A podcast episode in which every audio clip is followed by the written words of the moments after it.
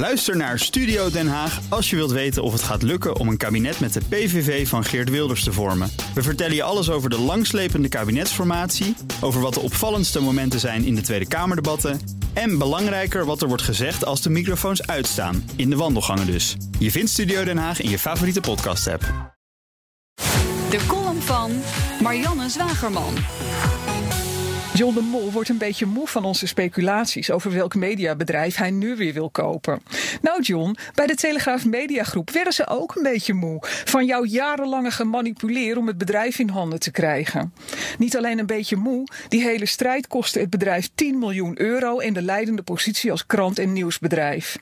Daar lig jij natuurlijk niet wakker van, want jouw spel is nog niet uitgespeeld. Je moet toch even de rest van de aandelen van de Sky Radio groep ontfutselen aan de ooit grootste krant van Nederland. Oh, sorry John, speculeer ik nu alweer? Net als zes weken geleden toen ik hier in mijn column voorspelde dat je nu.nl wilt kopen.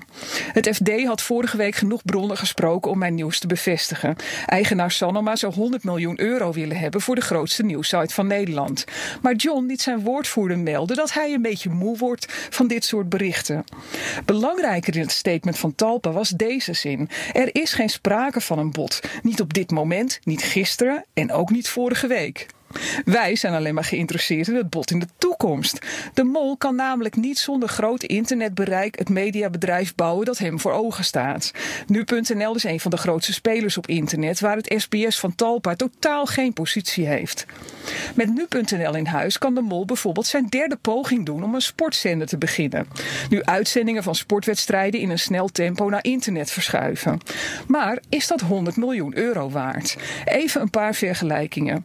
TM Werd op zo'n 250 miljoen euro gewaardeerd. En dat was inclusief het vastgoed ter waarde van tientallen miljoenen. En inclusief dochterbedrijf Casing, dat daarna voor 150 miljoen euro werd verkocht.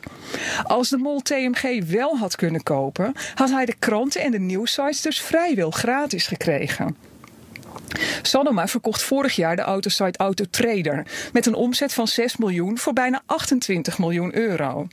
Huizensite Funda werd met een omzet van 28 miljoen euro en een resultaat van 11 miljoen deze week door een investeerder op 240 miljoen euro gewaardeerd. Zo goedkoop als TMG wordt het niet meer, maar ik zou die 100 miljoen euro neertellen als ik de mol was. Bij BNR ben je altijd als eerste op de hoogte van het laatste nieuws. Luister dagelijks live via internet. Bas van Werven. En heel langzaam komt de zon op rond dit tijdstip. Je krijgt inzicht in de dag die komt op BNR, het Binnenhof in Nederland en de rest van de wereld. De Ochtendspits. Voor de beste start van je werkdag. Blijf scherp en mis niets.